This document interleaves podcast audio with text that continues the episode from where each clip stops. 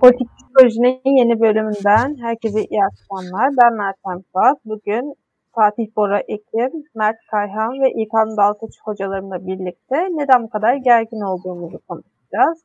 Hocalarım hoş geldiniz. Hemen şunu sorarak başlayayım. İlkan Hocam, siz gelmeden önce de bugün olan haberleri konuşuyorduk. Mert Hoca ve Fatih Hoca ile. Bugün Antalya Kepez'de bir fırıncı hı hı. rakip fırıncıyı kendisinden daha ucuz ekmek sattığı için av tüfeğiyle vurmaya kalktı. Ayrıca İstanbul Bahçeşehir'de de sitesinin bahçesinde bir ay içtiği için darp edildiğini iddia eden bir kadın haberi düştü sosyal medyaya. Neden bu kadar gerginiz ve bu gerginliğimizin sebebi üst üste yaşanan ekonomik ve siyasi gündem dolayı mı? Onu sorarak başlayayım üçünüze de. Benle başlama istersen program ama e, madem bana sordun ben başlayayım. Senle ben evet ilk ilk başta ekonomi demiştim. Yani gerçekten ben de ekonomi demiştim. Çünkü olan bitenler bir ekonomi ikincisi şöyle bir şey var. Yaşam olarak beklediğimiz şeyler var yaşamdan. Hani bir öğrenci olarak, bir baba olarak, bir çocuk olarak, bir kız olarak, bir eş olarak onlarla o beklentilerle yaşamımız arasındaki farkın giderek açıldığını düşünüyorum ben. Bir diğeri de odur. Ee, özellikle hani ya sonuçta şu var. İnsan fakirliğe alışır. Yani insan bakarsanız öyle bir canlılık yani Eskimo gibi Grönland'da da yaşayabilir. Çölde de yaşayabilir bir Tuareg gibi veyahut da işte e, Nepal dağlarında, Himalayalarda da yaşayabilir. İnsan birçok şeye alışır. E, ama neye alışmaz dersen kolay kolay bu hızlı değişimlere falan kolay kolay alışamaz bence. O biraz onu ben seziyorum. Yani yoksa insanın kendi alışkanlıkları içerisinde birçok şeye alışma kapasitesi var. Zorluklar evet zorluklar önemli. Zorluklar var. Zorluklar gerçek ama zorluklara bu insanları alıştırabilirsiniz ama bence daha ziyade hızlı değişimler bunu bunları ortaya çıkartıyor diye düşünüyorum. Çok hızlı oldu. Ben devam edebilir miyim burada? Tabii. Tabii. Buradan ya sözü ben, sana bırakayım Fatih. Ben de İlkan'a katılıyorum. Yani şey orada değişim çok hızlı oldu. Bugün de aynısını söyledim. 2005-2015 arası aslında Türkiye'nin genelinde olmayan, genel tarihinde olmayan bir dönem yaşadık. Kızıyor bazıları da buna. Niye böyle bir şey oldu diye. Yani bunu bunu söylemek aslında çok ayıpmış gibi geliyor. Ama hakikaten biz 2005-2015 arasında genel gayri safi milli hasılamızın çok daha üstünde bir pay dağıtmış olduk. Özellikle orta sınıfa. Şimdi ciddi bir değişim var ve bu değişime adaptasyon henüz tam sağlanamadı. Ben bir bundan bahsedeceğim. Belki de İlkan'ın söylediği gibi buna alışık olan nesillerle buna alışık olmayan nesillerin de karşılaşması var. Veya bir dönem boyunca yeni düzene alışanlarla ondan çıkıp şu anda geldiğimiz yeni düzene alışma arasındaki bocalama halindeyiz. Bir ikinci mesele de şu burada sanki siyaset de otoritesini kaybetti. Yani baskıyla otorite arasında birbirinden fark var. Otoritenin içerisinde bir saygı da olması gerekiyor. Sanırım siyaset bu otorite olma gücünü kaybetti. Belki bir senedir, belki iki senedir, belki üç senedir yaklaşık bir yerden artan şekilde, birkaç yıldır artan bir şekilde bence otorite olma özelliğini kaybediyor. İnsanların korkusu var evet devlete karşı ama aynı derecede saygısı var mı? Aynı derecede insanların saygı duyduğunu düşünmüyorum. Çünkü gerçek problemlere karşı herhangi bir çözüm de üretmiyor iktidardan olan veya olmayan da bir şeyler olacak ve değişecek umudu içerisinde ama pek bir şey olduğu da yok. Toplumsal olarak genel bir süperego olarak tanımlayabiliriz ama sanki o süperego ile ilgili devlet o süperego olma özelliğini yitiriyor Türkiye'de. Bunun çok alanda da göreceğiz. Siyasette de aynısı oluyor. Siyasetin içerisinde de saygının kaybedilmesi aslında devletin otorite ve saygınlık iddiasının da kaybolmasıyla birbiriyle paralel geliyor. Birkaç tane daha başlık var işte siyasetçilerin konuşmasından da bahsedeceğiz. Aslında hep aynı yere geliyor orada da. Devlet o eski saygın pozisyonunda değil bence şu anda diyeyim size devredeyim. Mert Hocam size de sorayım aynı şeyi. Son günlerde yaşanan gerginliklerin sebebi ne? Çok mu gergin olduk? Yoksa var olan e, sorunlar mı bir anda gün yüzüne çıkmaya başladı? Bu buzda iceberg'in altındaki yüzü su üstüne mi çıkmaya başladı? Ya vatandaşın da sonuçta bir hepimizin haliyle e, bir kaldırma kapasitesi var, bir istihap haddi var. Bir noktadan sonra e, tabii bunlar biraz daha Fatih'in oyun sahası ama herhalde bu psikolojik problemlerle, bu yoğunlukla, ekonomik sorunlarla, bunlarla eş zamanlı olarak arka planda devam eden kültürel problemlerle e, baş etmek gitgide zorlaşıyor. Bu yükü artık bir süre sonra kaldıramaz hale geliyoruz. Yani bunun çok çeşitli göstergeleri mevcut. Yayından önce de işte sizlerle konuştuk. Balta Kulesi'nin işte önünde kendini yakan birey. Biz bunu Fatih ile daha önceki yayınlarda da hep zikrettik. Yaşam alanına müdahale, gitgide daha fazla şeyin yaşam alanına müdahale e, niteliği taşıyor olması. Bunun haricinde gündelik pratik hayata dair olanla çok daha uzun zamandır devam edenlerin artık böyle iç içe e, geçmiş ve birbirinden ayrılamaz e, hale gelmiş olması. Bugün tabii ki Türkiye Adalet ve Kalkınma Partisi iktidarı altında veya Başkan Cumhurbaşkanı Erdoğan yönetimi altında ciddi sorunlar yaşıyor. E, ama yaşanan sorunların tamamını bu yönetim beceriksizliğine diyelim. Bağlamak da doğru değil, şunun için de doğru değil. Yani görüyoruz sadece Türkiye'de değil, Avrupa'da dünyanın pek çok yerinde konut sorunu, bir barınma sorunu yaşanıyor. Bunlarda tabii ki yöneticilerin acziyeti etkilidir. Ancak bu daha ziyade kapitalist üretim sisteminin bugünkü aslında formu neoliberal ekonominin yarattığı bir sıkıntı. Aynı şey bazı meslek dallarında diğerlerine göre daha fazla yaşanıyor. İçinde olduğum için söyleyeyim yani meslek diyebilirsiniz, uğraş diyebilirsiniz. Akademide bu çok ciddi olarak ağırlığını, sıkıntısını net bir şekilde gösteriyor. Yani siz yarı zamanlı bir vaziyette bir öğretim üyesini alıyorsunuz. Sadece ders verdiği günler sigortasını yatırıyorsunuz. Yaz aylarında sigortaya yatırmıyorsunuz. E bu çok ciddi bir şekilde bir geleceği görmek açısından bir güvensizlik yaratıyor bireyde ve bu güvensizliğin tabii ki bir sonucu olmak zorunda. Yani dünyanın her ülkesinde, dünyanın en gelişmiş ülkesinde dahi bir cüzdi de olsa bir işsizlik oranı vardır. Bunun da sebebi e, yöneticilerin toplumu hizada tutma çabasıdır. Bak yani olur da işini kaybedersen e, o işe senin yerine koyabileceğin bir sürü insan var. Bak bir sürü iş arayan insan var demeye çalışır aslında yönetimler üstü kapalı veya dolaylı vaziyette. Ama bu bugün çok daha ciddi bir hal almış durumda. Veya başka bir zemine kaydırmaya çalışayım. Belki biraz daha muğlaklaştırayım konuyu. Guy Debord 1967'de e, gösteri toplumu kavramıyla La Société du Spectacle kavramıyla aslında bize şunu söylüyordu. Yani biz var olmaktan sahip olma dönemine geçtik ve artık sahip olmaktan da gösterme, yaşadığını gösterme dönemindeyiz. Şimdi 1967'de aslında bugünün bu sosyal medya dünyasına, dijital medya dünyasına getirilmiş çok ciddi bir eleştiriydi bu. Veya rahmetli Doğan Cüceloğlu hocanın mış gibi yaşamak, miş gibi yaşamak kavramı aslında bizzat bu Guy Debord'un gösteri toplumu kavramına dayanır. Bu vaziyette olduğumuzda biz artık üretmeyi, üretmekten duyduğumuz zevki farklı bir şekilde yani yaptığımızı üretelim ya da üretmeyelim çok önemli değil. Yani paket iyi olsun da onu biz gösterelim. Oradan müthiş bir şekilde tabii e, endorfin devşiriyoruz. E, aynı şey bugün bu sosyal medya fenomenleri Twitter'da, işte Instagram'da, şurada burada, TikTok'ta fazla fazla takipçisi olan arkadaşlar veya işte her neyse influencerlar için geçerli. Artık bir noktadan sonra kaybedecek şeylerinin olduğunu, yani takipçi sayısından bahsediyorum, düşündükleri için eleştiriler çok daha böyle işte seyreltilmiş, sulandırılmış hale geliyor. Yani doğru düzgün eleştiri yapabilecek vaziyette bile değiliz. Veya yine başka bir zemine kaydırayım. Bakın o benzer e, söylediğim şey üzerinden hareket edeyim. Galata Kulesi'nin önünde kendini yakan kişi. Yani bunu sansürsüz, e, mozaiklemeden gösteriyorlar. Televizyon kanallarında veya işte çeşitli sosyal mecralarda. İnsanlar bunu alıyor, çoluğuna çocuğuna seyrettiriyor. Bu işte tam da Şulhan'ın söylediği pornografik topluma işaret ediyor. Artık temsiliyetlerimiz dahi porno, pornografik vaziyette. Yani burada tabii cinsellik anlamında değil, çok daha böyle üstünü örtmeden, herhangi bir şeyi gizlemeden ve işte ya da in your face deyimiyle yani alın sizin suratınıza karşı e, şeklinde gitgide bana kalırsa özellikle de bu pandemi dönemi sonrasında bu e, zor, ağır ekonomik şartlar altında gitgide daha fazla travma sonrası stres bozukluğu yaşayan bir toplumla karşı karşıyayız. Buradan nasıl çıkılacak? İlla ki bir noktada çıkılacak tabii ama e, şimdilik burada keseyim. Daha sonra söz bana gelirse yine devam ederim. Peki. Hocam ben şunu da sormak istiyorum. Şimdi öncelikle 140 Junos'un dün bir videosu yayınlandı. Herkes çok gergin diye. Orada 3 ana karakter üstünden herkesin neden haklı olduğuna dair bir argüman çıkarmaya çalıştılar.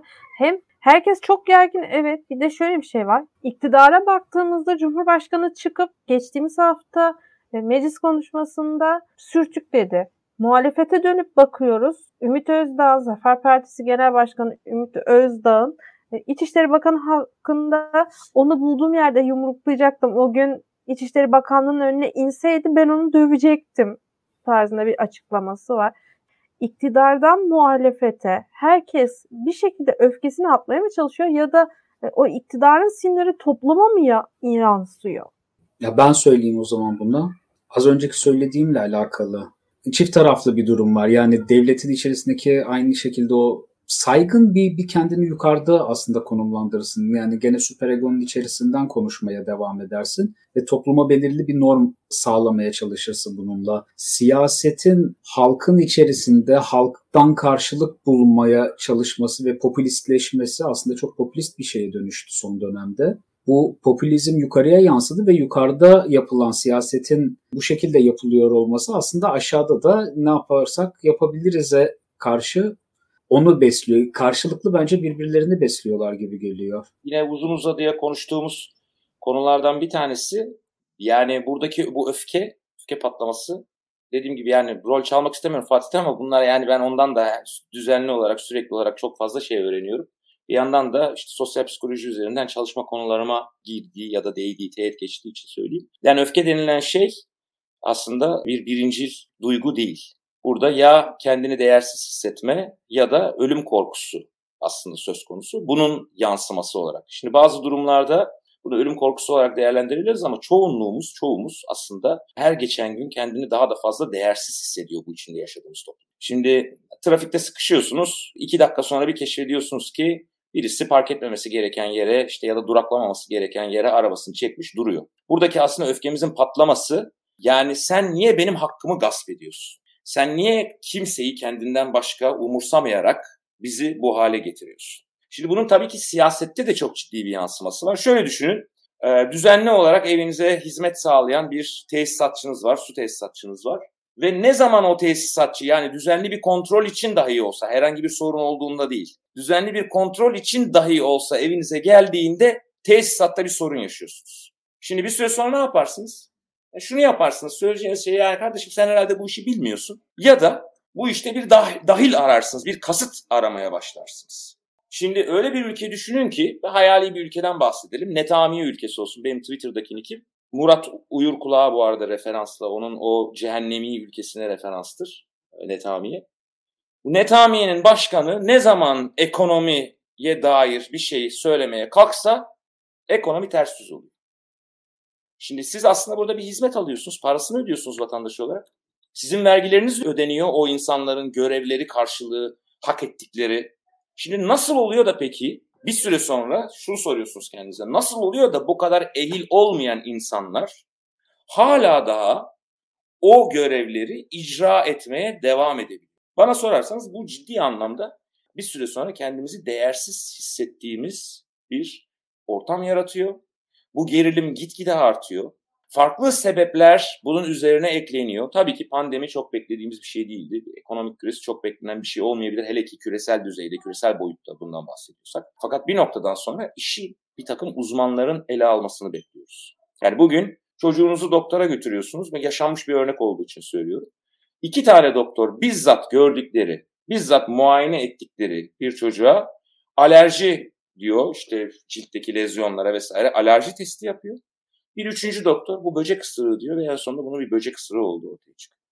Bakın bu çok basit bir şey.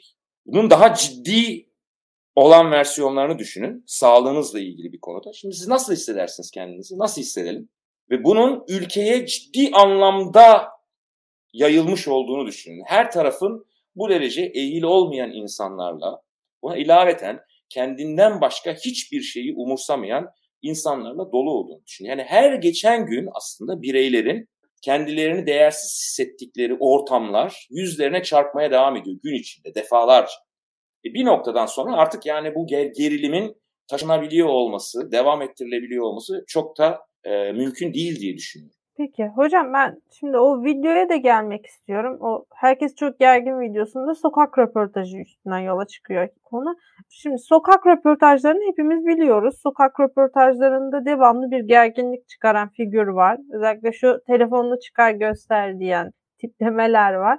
Bir de bir keresinde hatırlıyorsunuz sokak röportajında telefon göster diyen birinin ağzına telefon sokmuşlardı. Şimdi o röportajlarda çok fazla gerginlik oluyor ve çok fazla kutuplaşılıyor. O videoda da zaten mesela karakterlerden biri Almanya'da yaşıyor. Türkiye'de AKP'nin kuruluşundan beri AKP'ye destek veriyor. Almanya'da İşçi Partisi üyesi. Biri sokak röportajını yapan bir de Z kuşağı bir genç var. Üçü de kendi açısından haklı olduklarını savunuyorlar. Şimdi sokak röportajları son dönemde daha da mı gerginliği körüklüyor yoksa niye bu kadar her fırsatta kutuplaşıyoruz? Yani patlama yer mi arıyoruz? Ben ben mi devam edeyim? Olur. Öne devam edelim. Ya ben devam edeyim o zaman. Şimdi kutuplaşma... Aa dur İlkan geldi. İlkan sen ne düşünüyorsun bununla ilgili? İlkan'a ben söyleyeyim. O, o bir şey söylemedi. Tamam. Nasıl istersen. Şimdi Fatih sokak röportajları gerginliğin sebebi değil tabii yani. Ama sokak röportajları e, bir ölçüde bir e, ne kadar ölçüdür o tartışılır esasında. Ama şunu söylemek lazım. E, sokak röportajları da aslında o gösteri toplumunun şu an parçası yani o Mert'in anlattığı gibi. İnsanlar da orada zaten o yine Mert'in anlattığı gibi bir insan yerine koyulmadıklarını düşünüyorlar. Koyulduklarını düşündükleri anlarda teatral bir performans sergiliyorlar defa. Yani orada yaşadığın şey bu. Yani şu an Türk toplumu kendisinin insan yerine konulduğunu zannetse, hissetse, varsaysa, farz etse sokak röportajlarına daha sakin olur. Daha normal konuşmaya çalışır. Daha en azından cümle kurmaya çalışır. Ünlem işaretlerini ortaya sermeye, atarlar giderler yapmaya, millete ayar vermeye çalışmaz. Orada o bulduğu o kısa aralıkta herkes bir şey göstermeye çalışıyor. Birilerine ayar vermeye çalışıyor. O an tüm Türkiye'yi herkese yargı dağıtıyor. Şu an herkesin bak Meltem çok sevdiği söz değil mi? Yargı dağıtıp duruyoruz. O da o sırada herkese, iktidara, muhalefete, gençlere, yaşlılara, kadınlara, erkeklere, amcalara, çocuklara, Almancılara, köylülere Hani açıkçası Lazlara, Kürtlere, Türklere, Sünnilere, Alevilere, Gavurlara, yerlilere hepsine herkes ayar vermeye çalışıyor. Herkes yargı dağıtmaya çalışıyor. Oradaki olay o. Birincisi e, hayatın diğer alanlarında pek kale alınmadığını düşünen insanlar. Pek de galip durumda olmayan insanlar açıkçası onlar. Birincisi bu. Genel olarak söylüyorum. Yani biz burada bu yayında hani X kişinin söylediği Y lafından bahsetmiyoruz. Biz süreci anlatmaya çalışıyoruz. Buranın amacı birazcık da o. Yani o, e, niyet de orada bizimkisi. Onu söylemek istiyorum. Birincisi o. Sokak röportajlarından bence anlayacağımız şey bu. O insanlar orada e, mümkün olan maksimumda konuşmaya çalışıyorlar. Yani burada mesela bak Mert işte Fatih falan hiç maksimumlarında konuşmuyorlar. Hiç öyle atarlar giderler yapmıyorlar. Gayet sakin sakin insanlar. Neden acaba? Değil mi? Bakın biraz böyle bir tarafı var. Hani buldukları ilk alanda bağıran çağıran insanlar. Heyecanlananlar falan değil mi? Bu insanlar niye bunu yapıyorlar? O daha büyük mesele. Dediklerinden daha önemli mesele diye düşünüyorum. Çünkü birazcık daha zaferi konuşmaya devam ettik. Yani insanların hani her insanın öyle fikri çok önemli değildir ama her insanın hakikaten hayatı enteresandır yani bakarsanız. Hani her insanın başından geçenler falan ilginç şeylerdir. Gerçekten düzgünce anlatılırsa, düzgünce dinlenirse her insandan güzel hikaye çıkar. Ama tabii her insanın fikri falan o kadar değerli değildir. E, işin acı tarafı da o. İşte sokak röportajları da bunun tam kesişim kümesi. Maksimumunu yaşattığı şeyler bize. E, bazen çok değerli olmayan fikirler. E, ama hakikaten merak edilen hayatlardan çıkıyor. O hayatları insan merak ediyor ama o fikirler çok önümüzde değil o fikirler için birazcık daha mesai harcamak gerekiyor belki de. Yani o insanlarla belgeseldeki çalışma güzeldi. Yani o insanın hayatına dair bir şeyler bize gösterdi. Yani oradaki hakikaten o yüzeyselliğin arkasındaki bir hani o gölgenin uz- nereye kadar uzandığını gördük. Yani adamın bayağı bir hayatı varmış aslında. Yani orada e, bayağı ideolojik olarak angajeymiş. Onu görebiliyorsun orada. Bu, bu iyi iyi bir şey bence. İyi, hoş bir deneme. Beğendim o açıdan. Ama şunu söyleyebilirim. Tabii sokak röportajı tek başına anlamlı değil. Ama bu Mert'in anlattığı hikayenin tam anlamıyla bir göstergesi diye düşünüyorum. Peki. Mert Hocam siz ne düşünüyorsunuz bu sokak röportajları konusunda? Bu da işte içinde bulunduğumuz yine dijital çağın, mecralar çağının yine bir yansıması yani bunun yine ne kadar net bir şekilde temsiliyet bulduğunu çok rahatlıkla görebiliyoruz. Yani Yıkan çok çok güzel söylüyor, çok net söylüyor. Yani evet herkesin hayatı önemli. Evet yani herkesin fikrini söyleme hakkı önemli. gibi. Yani orada da tabii bir genel geçer bir laf var. Herkesin e, diline pelesenk olmuş yani. Herkes birbirinin fikrine saygı duyacak. Hayır kardeşim herkes birbirinin fikrine saygı duymayacak. Yani sen gidip ırkçı bir açıklama yaptığında ben senin fikrine saygı duymuyorum. Ama ben senin fikrini ifade edebilme hakkına saygı duyuyorum. Bunlar başka şeyler. Yani bunun haricinde düşünce aslında sistematik bir çaba gerektirir. Yani bu böyle işte su mu içeyim, kola mı içeyim gibi bir şey değildir düşünmek. Yani bunun belli formlarda belli bir emek dahilinde yapılıyor olması lazım. Belli bir bilgi birikimi gerektiriyor. Şimdi bunları söylediğinizde işte sen elitsin ya da elitistsin vesaire diye damgalanıyoruz ama bu, bu çok da böyle değil. Yani bu eskiden olsa mesela bunu farklı bir şekilde söyleyebilirdik onu söyleyeyim. Reha Muhtar acı var mı acı diye soruyordu hatırlıyorsanız. Yani bir dönem için o aslında ratingin, yaşımız ortaya mı çıktı Fatih? Ratingin vesaire. Ben Y kuşağı olduğum için çok hatırlamıyorum. E, temel temel ama. bileşenlerinden bir tanesiydi. O yani e, mümkünse katılımcıyı stüdyoda işte kavga ettirebilmek. E, oradan böyle bir rating yaratmak. Yani o gerilim üzerinden beslenmek. Şimdi buna da çok fazla alıştık. Şöyle alıştık yine önceki programlarda çok net konuştuğumuz hatta bir de geçen hafta bir bölüm daha çektik arabesk üzerine. Çok da güzel bir bölüm oldu. Biz çok keyif aldık Fatih ile birlikte hazırlarken. O da herhalde yakında yayına girer. E, orada da net olarak söyledik. Yani toplumun ve bireylerin zihninde çok net bir iyi ve kötü ayrımı var. Halbuki hayat bu kadar basit değil. Yani belki de 1990'lardaki o 90'ların ortasından falan itibaren hatta 2000'lerin başına kadar da uzatabiliriz onu yani ilk ortaya çıkışı olarak. O son Türkiye'deki dizi film ve prodüksiyon şirketi patlamasındaki temel sebeplerden biri oydu. Yani kat'i kötüyle kat'i iyi arasındaki ayrım biraz böyle muğlaklaştırılmıştı. Yani en kötü dediğimiz bile bir noktada gidip bir iyilik yapıyordu veya en iyi dediğimiz bile bir noktada işte bir kötülük yapabiliyordu. Şimdi bu da gitgide yine bizim zihnimizde böyle işte e, bunun tabii psikolojik altyapısını ben umarım ben ya da birazdan Fatih e, bizlerle paylaşır. Bu da bizi çok doğru bir yere getirmiyor. Yani sorunlarla baş edebilmek için Fatih'in bugün bugün ya da dün işte Twitter'da yazdığı baba figürüne sarılıyoruz. Evet problemimiz var ama işte babamız gelecek bizi kurtaracak. Ya arkadaşlar bunu bir şey babalarımızı öldürmek zorundayız. Çok açık açık söyleyeyim yani. yani birey olmak istiyorsak babalarımızı ve işte o biz sıkıştığımızda arkamızı toplayan annelerimizi bir noktada öldürmek zorundayız. Yani tabii ki burada fiziksellikten bahsetmediğimi herhalde e, herkes anlıyordur yani. Şimdi bunu yapamadığımız zaman aslında her türlü kriz, her türlü çatışma ortamı bize en başından bir yaz süreci sunuyor ve acaba biz ne kadar hazırız bununla baş etmeye? Yani kabul etmeye, bunun sadece bizim başımıza gelmediğini kendi kendimize itiraf etmeye, tatlı tatlı o depresyonumuzu yaşamaya, o yüzleşmemizi gerçekleştirmeye biz ne kadar hazırız? Şimdi çok hazır değiliz gibi görünüyor artık. Gene Çulhan'a referansla söyleyeyim. Pornografik toplumu, e, şeffaflık toplumu kitabına e, atıfla söylemiştim. Bu sefer de son kitabı palyatif topluma referansla söyleyeyim. Bize şunu söylüyor diyor ki yani her geçen gün daha da acıdan korktuğumuz, acıdan uzaklaştığımız bir hale geliyoruz. Halbuki acı birçok noktada bizim için yol gösterir. Sıkıntının nerede olduğunu bize ifade eder. Bununla yüzleşip buna çözüm aramak zorundayız. Yani bunlardan kaçmak yerine veya bizi kurtaracak böyle bir İsa Mesih ya da bir baba figürü, bir böyle bir kurtarıcı e, beklemek yerine aslında bizim kendimizin ne yapması gereken şeyler var. Yani 19-20 yaşında genç arkadaşlar nihilizm noktasına varmışlar eleştirmiyorum. Ama sorduğum zaman yani siz şimdiye kadar içinde bulunduğunuz cemiyete, cemiyet hayatına ne sağladınız, ne kattınız? Hiçbir şey. Şimdi bu da insanı rahatlatan bir şeydir bakın. Yani içinde bulunduğu topluma, etrafındakilere işte bir yardım edebiliyor olmak, bir yardımda bulunuyor olmak, onlar için hayatı bir noktasından bir noktasından kolaylaştırabiliyor olmak. Yani artık kendimizi iyi hissetmenin gitgide zorlaştığı şartlardayız. Burada işin kolayı bunu işte yapıya, strüktüre atmak. Ama burada sonuçta bireyin de bir eylemlilik hali, bir eylemlilik alanı var. O alan da değerlendirilmek zorunda. Belki çok derin olacak veya gereksiz olacak şu an için ama ya Tanrı öldükten sonra tırnak içinde kullanıyorum. Tanrı öldükten sonra da aslında biz bu hale geldik. Öldürdük Tanrı'yı evet ama yerine kolay kolay bir şey koyamadık. Az önce yorum kısmında gördüğüm için herkes kendini Tanrı hissediyor. Hepimiz Tanrı'yı oynuyoruz demek ki diye yazmış Puhu. Evet çünkü artık bir Tanrımız kalmadı. Ve bunun bireysel bir ihtiyaç olduğu bilimsel yöntemlerle, klinik yöntemlerle kanıtlanmış durumda.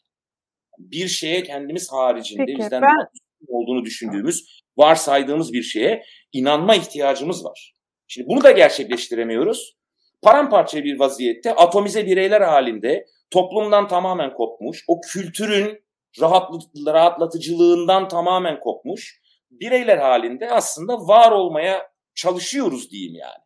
Ben Fatih Bora'ya şunu sormak istiyorum. Teşekkür ederim hocam. Şimdi son günlerde birçok ilde konser yasaklandı. Harbiye'deki Aynur Doğan konserine bir sürü tepki geldi. Ama ne olduysa 31 Mayıs 2022 günü Türkiye'nin en tuhaf günlerinden biri olarak tarihe geçti.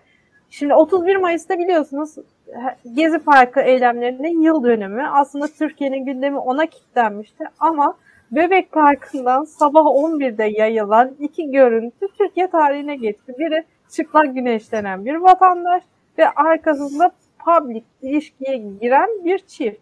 Şimdi ne oldu da bir anda e, bir tarafta yasaklamalar onlar bunlar olurken bir yanda da herkes patlayıp çıplak güneşlenmeye, otobanda çıplak gezmeye ve ulu orta ilişkiye girmeye başladı ki ondan sonra 1 Haziran'da da Ümraniye metrosundan aynı şekilde bir görüntü geldi. Ne oldu Fatih Hocam? Çok devam etti mi bu görüntüler? Sanki 2-3 gün oldu ve geçti gibi. Hani spekülatif bir şeyler söyleyebilirim bununla ilgili. Bana ya şöyle e, siz başlamadan önce söyleyeyim. Şimdi bir iki görüntü yayınlandı. Bir de farklı hesaplardan gene aynı şekilde otobanda çıplak yürüyor, şu şekilde oluyor, bu şekilde oluyor diye görüntüler yayınlandı. Hatta Nevşin Mengü de yayında bahsetmişti. Geçmiş görüntüleri yeni gibi servis etmeye başladılar. Bu sefer ki daha fazla hani provokasyon olsun diye. Şimdi evet yani bir provokasyon için mi acaba bir şeyler oluyor için mi servis edildi? Ne olduğunu ben de çok iyi bilmiyorum. Hani spekülatif bir şeyler söyleyebilirim ancak konuyla ilgili. Bana sorarsanız herhal kış çok uzun geçti. Güneş görünce insanların dopamini mi yükseldi? Ne olduysa öyle bir şey olmuş gibi geldi bana bir anda. Anlamadım. Toplumda buna niye bu kadar fazla tepki verildi onu düşündüm. Ne, ne bu kadar tepki doğurdu acaba? Mesela şey aklıma geldi. İngiltere'de çok sık karşılaşırdım. Böyle Piccadilly Circus'ta veya işte şey Trafalgar'da böyle 3-5 gün gezerseniz en az 2-3 kere soyunup koşan birisini görürsünüz orada veya sokakta cinsel ilişkiye giren bilmiyorum Brighton Beach'te Brighton sahilinde dolaştığınız zaman 10 metrede bir başka birine denk gelirsiniz ama bizim toplumumuzda çok karşılığı olan bir şey değildi bu. Biz o kadar teşhirci bir toplum değiliz. Teşhirciden ziyade biz röntgenci bir toplumuz teşhir etmekten ziyade biz perdeyi kapatırız ama başkasının perdesi açıksa içeriye bakarız. Avrupa'daki daha yani teşhirciliğe daha ve özellikle İngilizler o konuda daha teşhirci olabilirler. Günün içerisinde saklar, gece bunu yaparlar. İşte bunun çok karşılığı yoktu. Burada nasıl bir farklılık oldu? Hani programın başında söylediğim yere anca atfedebiliyorum biraz spekülatif tek ayağı üstünde bir analiz oluyor belki ama hakikaten şey çıkmıyor. Yani bir toplum olmaktan sanki bir taraftan dışarıya çıkıyoruz. Acaba bunu yapan yabancı mı değil mi, yerli mi? Çünkü ortak o kültür kaybolmaya başladı. Çok kalabalık bir şehirdeyiz. Özellikle İstanbul için söylüyorum. Yani ülkenin üçte biri, dörtte biri bir şehire tıkılmış yaşıyoruz. Kimsenin birbiriyle doğru dürüst bir bağlantısı yok. İşte Galata'da birinin yanması, kendini yakmasında insanların verdiği tepki de bana aynısını hatırlatıyor. Kimse bilmiyor ve temaşa gibi Mert'in söyledikleriyle alakalı yani bir gösteri toplumuna dönüşmeye başladık. Bir temaşa toplumuna dönüşmeye başladık. Aramızdaki bağlar yok ve gene programın başında söylediğimiz gibi yukarıda da saygı duyduğumuz bir otorite yok. Yani bir yalnızlık terk edilmiş hali içerisindeyiz bence belki evin içinde insanlar yalnız gibi düşünmeye mi başladı? Veya bir şey tetiklendiği zaman bunun karşılığında da hani bilirsiniz bir eylem modeli ortaya çıktığında insanlar bunu taklit etmeye başlar. Hani film de vardı çıplak adam film şey Şener Şen'in vardı soyunuyordu bir yerden sonra insanlar soyunup sokaklarda koşuyor. Bu sürpriz bir şey olmaz aslında. İnsanlar soyunabilir. Ama bu konuyla ilgili spekülatif birkaç şey dışında fazla bir şey söyleyemiyorum. Eğer müsaade varsa kısaca şu şeyden de bahsetmek istiyorum. Sokak röportajları ile ilgili. Sokak röportajlarında da şuna bakmak lazım bence. İnsanların ne söylediğinden ziyade ne söylemeye çalıştığı da önemli sanki arkasında ne anlatmaya çalışıyor? Biz terapide hep bunu yapardık. Karşımdaki bir şey söylüyordur da yani terapist onun söylediğini doğrudan dinlemekten ziyade yani onu da dinler tabii ki de arkada acaba bunu söyleyerek neyi anlatmaya çalışıyor onu düşünürdük. Şimdi aynı şekilde bakıyorum mesela net bir şekilde kuşak çatışması var. Yani bizim değerli gördüğümüz şeyler ve sizin değerli gördüğünüz şeyler arasında yani biz mesela özellikle gençler ve orta üstü yaşlar arasında fark var. Orta üstü yaştakiler şunu söylüyor yani sahip olmamız bizim sizin yaşınızdayken sahip olamadığımız birçok şeye sahipsiniz ve siz neden şükran duymuyorsunuz buna gibi bir çıkışları var. Daha gençlerde aslında biz bundan daha iyisini yaşıyorduk. Uluslararası dünyaya baktığımız zaman kendimizle denk gördüğümüz ülkelerde daha doğrusu muasır medeniyet gördüğümüz yerlerdeki insanlara bakıyoruz ve bunun karşılığını alamıyoruz diye bir öfke var. Bu ikisinin sürekli çatışması karşı karşıya geliyor. E, çatışma eğlencelidir. Toplumda çatışmayı seyretmeyi sever. Bak biz burada sakin sakin oturuyoruz. Ben oradan iki tane sallasam İlkan ne diyorsun filan dese reytingimiz yükselir. Ama biz öyle yapmıyoruz. Efendi efendi konuşuyoruz burada. E şimdi bu reyting yükseltme işini eskiden de yapıyorlardı işte. Savaş Ay da yapardı rahmetli.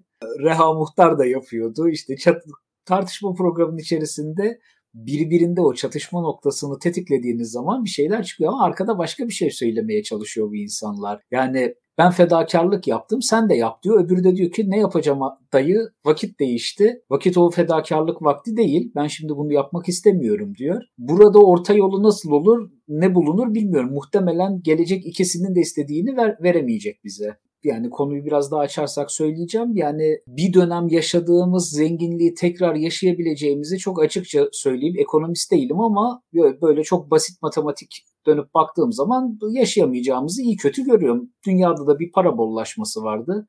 Bize çok fazla para geldi. Bakıyorum yani bugün onunla ilgili tweet atmıştım. Almanya'da kişi başına düşen ulusal gelir 45 bin dolar, Türkiye'de 8 bin dolar yani %18'i. Hani en iyi dönemde de 10-12 bin dolara çıktı dörtte biri yani daha daha yükseğe çıkamadık biz. Biz Almanya'nın en zengin dönemimizde dörtte biri gelirdeydik. Almanya'da doktor maaşına baktım 5000 dolar. E, %18'i şu anda yaklaşık 1000 dolara denk geliyor. Yani tam oran orantı yaparsan Türkiye'de doktor maaşının olacağı 1000 dolardır o zaman. Almanya'da 5000 dolar ortalaması, Türkiye'de de ortalaması 1000 dolar olacak demektir. Çok basit matematik. Eğer daha iyi şey yapan varsa buyursun beni düzeltsin bu konuyla ilgili. Biz bir dönem mesela doktor maaşı 3000 5000 dolar ortalamalardaydı. Yani belki daha şeydi. Ben doktor arkadaşım vardı 2012'de biliyorum. E 4000 dolara yakın maaş alıyordu. 2 yıllık doktordu. 2 veya 3 yıllık doktordu. Şimdi biz Almanya ile aynı seviyede doktor mühendis maaşı verdik bir dönem. Bunu neyle verdik? Bana sorarsanız hani benim bildiğim kadarıyla bir sıcak para vardı. Türkiye'de bol bol gezen. Çok da bir şeyler sattık. Bu dönemde bir zenginlik yaşadık. Şimdi aynı yere dönebilecek miyiz? Buna çok zor görünüyor. Bu kadar geniş orta sınıfa bu kadar imkan verebilecek miyiz? Şimdi biz kendimizi Almanya ile mukayese ediyoruz. Valla bana sorarsanız yani benim gördüğüm kadarıyla bizde ne hastanın sağlık hizmetlerini Almanya'daki kadar verecek zenginliğimiz var ne de doktora Almanya'daki doktorun çalıştığı imkanları sağlayabilecek zenginliğimiz var. Biz bunu kabul edebilecek miyiz? İlkan'ın ilk başta söylediği gibi biz bu dönüşüme çok hızlı geldik. Bir anda gerçekle karşılaştık. Hani böyle saat 12'yi vurduğu zaman bal kabağına dönüşen ülkeymiş gibi şöyle bir, bir dönem kendimizi Almanya ile İtalya ile denk tutuyorduk. Acaba oradaki hayat standartına geldik mi geliyor muyuz? Ki biz birkaç programda da söyledik Mert'le beraber. Yani 2008, 2010, 2012 dönemi ben İngiltere'deydim. Çok samimi söyleyeyim yani 2009'da benim iki tane İngiliz akademisyen arkadaşım evlendi araştırma gö- görevlisi. Ev kiralayacak güçleri yoktu bir evin içerisinde oda ancak kiralayabildiler. O dönemde Türkiye'de küçük bir şehirdeki araştırma görevlisi 3 oda bir salon ev tutup dillere destan düğün yapıp yani çok daha 2010'da çok daha şey yaşayabilirlerdi. Burası daha zengin geliyordu. Bu, bu bize garip geliyordu. Yani ben iktisatçı olmayarak acaba biz bunu nasıl finanse ediyoruz bilmiyorum diyordum. İyi kötü anlamaya başladık işte. Dün biraz fazla harcamışız sanki köprü yapabilecek kadar zengin bir ülke miyiz? Biz bunları yapacak ülke miyiz? Yurt dışı 3-5 yerde operasyon düzenleyecek zenginlikli ülke miyiz? Bilmiyorum. Benim bir kısıtlı bilgim de yokmuş gibi geldi. Ama buna inanmış olmamız bizim toplumsal olarak büyüklenmeciliğimizle çok uyumlu. Yani biz uluslararası her şeyi yapıyoruz. Almanya standartlarında da yaşam standartımız var. Hepsini yaptık dediğiniz zaman halkın hoşuna gidiyor bu. Ama gerçek dünyayla mukayese ettiğimiz zaman Kişi başına düşen gelirimiz, ulusal gelirimiz 8 bin dolar. Almanya'nın 45 bin dolar. Yani Çok net aslında rakam. Hani bizim en çok çıktığımız yerde 12 bin dolar ve ithal malları aldığımız bir dünyada 1975'te yani 80 öncesindeki şey dönemi de yaşamıyoruz. İthal ikame dönemini de yaşamıyoruz. Yerli fiyatlandırma da yapılmıyor. Çok iktisat programı gibi oldu. Bundan evvel ben Özge ile Bilge Yılmaz'ın programını da seyrettim. Kafa çok şeye gitti. İk, iktisadi iktisadi gitti de. Yani biz orada değildik. Şimdi geleceğe yönelik söyleyelim. Çok Almanya standardında olmayacak. Yani ben insanları bunu olacağına mı ikna etmemiz gerekiyor? Ederseniz de kendi alanıma döneyim. Biz insanlara dersek ki evet bu hükümet gidecek ve yeni dönemde biz Almanya standardında yaşayacağız. Ben müstakbel iktidara şunu söyleyeyim. Eğer bunu insanlara verirseniz, bu duyguyu satarsanız ve bunu başaramazsanız o kadar sert bir muhalefetle karşılaşacaksınız ki şu anda gerçekleşmeyen toplumsal kalkışma bir sonraki dönemde olacak. Çünkü şunu söyleyeyim. Şu anda toplum depresyonda. Toplumsal patlama niye oluyor, niye olmuyor diye düşünüyoruz. Depresyondaki toplumdan bir şey olmaz. Depresyondaki birey de çok bir şey yapmaz. Derin depresyondaki adam eylemsiz haldedir, gücü yoktur. Bütün psikolojiyle, sağlık bilimiyle uğraşanlar, psikiyatrlar bilir ki depresyonda birinin en tehlikeli olduğu dönem depresyondan çıkmaya başladığı dönemde. Depres o yüzden antidepresan kullananlara dikkat edin derler. Öfke patlaması da olabilir, intihar da edebilir. Çok riskli şeyler o dönemde çıkar.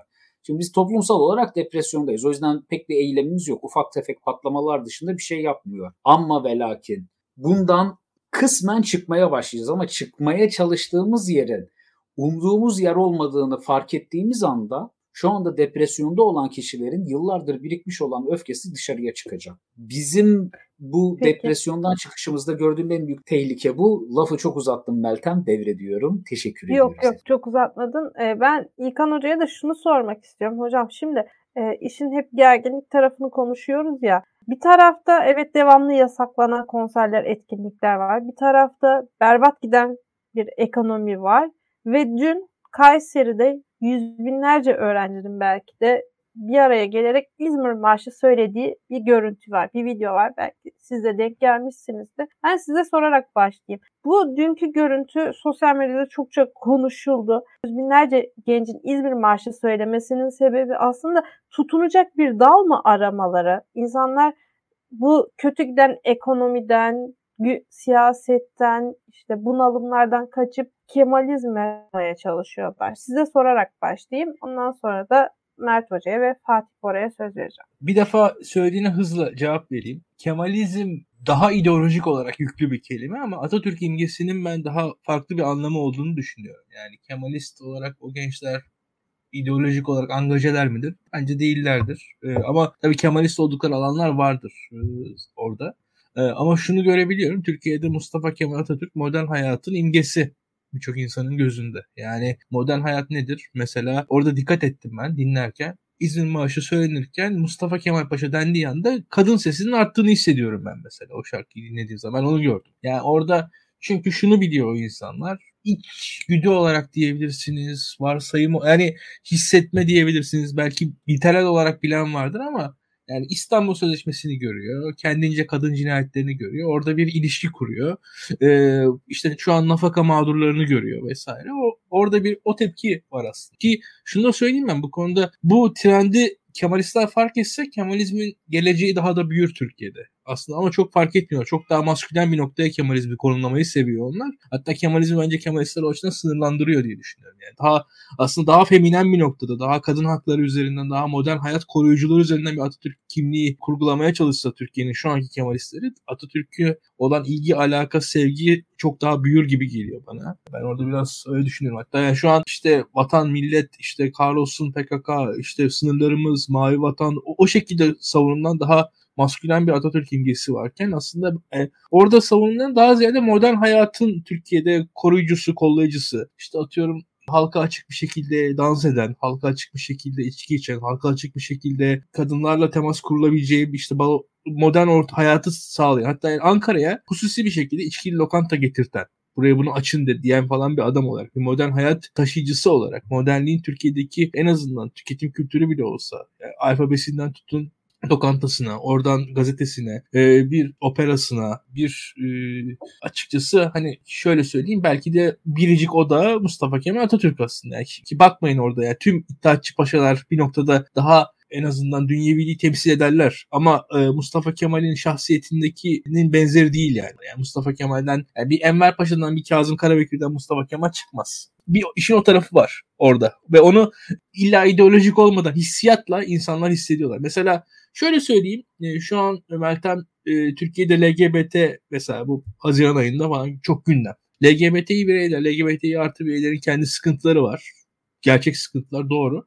Ama şunu da söylemek lazım o sıkıntılardan daha fazla gündem. Neden? Aslında bir yandan da şu modern hayatı da savunuyorsunuz siz. LGBTİ artı bireyleri savunduğunuz anda ben mesela kendi hayatımda yanında savunmuş oluyorum aslında yani teknik olarak. Onlara bir şey olmadığı zaman diyorum ki o benim buradaki hayatıma sıra gelmez bir şekilde. Hani arada böyle işte atıyorum evlilik dışı cinselliğe normal bakan, nispeten alkol tüketen, belli bir has kültürü içerisinde yaşayan bir insan olarak diyor ki LGBTİ artı bireyler orada rahat rahat yaşayabiliyorlarsa bana sıra gelmez diyor. Bir de işin diğer tarafı var. Yani bu iki türlü savunma. Mustafa Kemal Atatürk imgesi daha muhafazakar savunma. LGBTİ artı imgesi daha belki liberal savunma olarak adlandırılır. Yaşam tarzımı iki uçtan sanıyorum yani böyle bir şey. Bir böyle bir durum var. Çünkü e, şu açık Türkiye'de yaşam tarzının savunması gerekiyor işin gerçeği. Yani yaşam tarzını siz savunmazsınız oradan bir, bir pay istiyor insan. Türkiye rahat bir yer değil. Ve bizde şimdi bakın Aydın, üniversite gibi kurumların da arkası yok. Yani benim yaşam tarzımı bir Aydın savunamayacak. Yani mesela işte akademisyen Mert Kayhan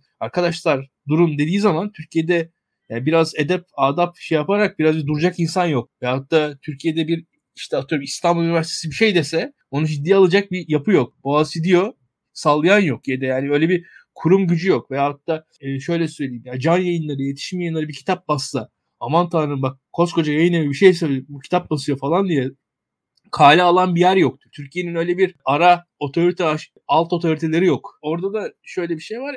Tek otoriteye dayanılıyor devlet. Devletin dışındaki alternatif, alternatif de değil ama o aracı otorite yapıları da yok. Şimdiye kadar hatta bunu devlet bir şekilde kendi çıkarını kullandı. Buradan Fatih'in dediği şeye geleyim. Adalet ve Kalkınma Partisi sonrasında yeni kurulacak sistemde ara yapıların yok olmasının çok ciddi sıkıntılarını görecekler. Çok ciddi sıkıntılarını görecek. Ben yaşım yetiyor Türkiye'de Hürriyet gazetesinin mesela ve onun temsil ettiği medya düşüncesini, sermaye düşüncesini nasıl bir ikna aracı, nasıl bir rıza üretme aracı olarak kullanıldığını biliyorum. Şundan da eminim 2022 sonrası Türkiye'de siz yeni bir hürriyet kuramayacaksınız. Olmayacak. Yani öyle hiç kimse ikna olmayacak. Yani yeni kurulacak iktidar hiçbir şeye ikna edemeyecek diye düşünüyorum. Bütün bunların yanında e, artık e, şöyle söyleyeyim farklı farklı toplumsal kesimlerin farklı kaynaklardan e, enformasyon almaları ve o onun üzerine kendi fikriyatlarını döşemeleri hikayesi daha da artarak sürecek. Bugüne kadar ne, ne olmuşsa daha fazlası olacak. Ben burada o hürriyet meselesini Fatih'e de yayından önce konuştuk. Yani dünyada da biraz belki de Mert'in anlattığı gibi böyle. Yani şu an CNN, BBC, 90'ların CNN'i BBC'si itibarında değil. Dünyada da değil. Türkiye zaten bu konularda dünyanın öncü ülkesi. Hep diyorum ya Türkiye'de bu işler hani en çabuk biz pisleniyoruz. En hızlı bizi gidiyoruz aslında. Yani şu anda biz belki de hani Amerika'nın İngiltere'nin 5-10 yıl sonra yaşayacaklarını yaşıyoruz. Yani. Daha da dünyanın gidişatı o yönde diye düşünüyorum.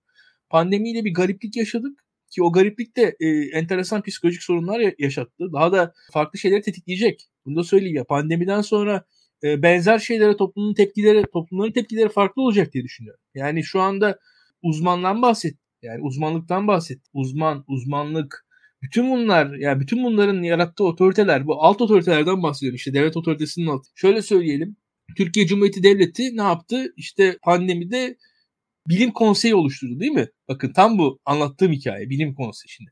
Artık o bilim konseyi diye bir şey oluşturulamayacak 5-10 sene. Onu göreceğiz.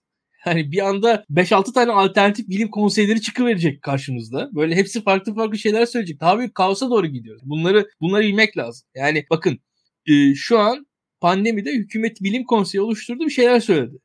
Gelecek pandemide, gelecek pandemi de gelecek. Ondan da hemen hemen eminim. Ve onda da onda göreceğiz ki bir alternatif bilim konseyi falan çıkacak. Ve daha da büyük bir tartışmalar ortada. Hepimizi bulacak diye düşünüyorum. Hemen hemen eminim yani bunlardan. Ve bu uzmanlık inanılmaz tartışılacak. Açıkçası ayrışmalarımızın, kopuşlarımızın devam edeceğini düşünüyorum. Ben ekonomi konusunda Mert'le Fatih'ten birazcık daha iyimserim.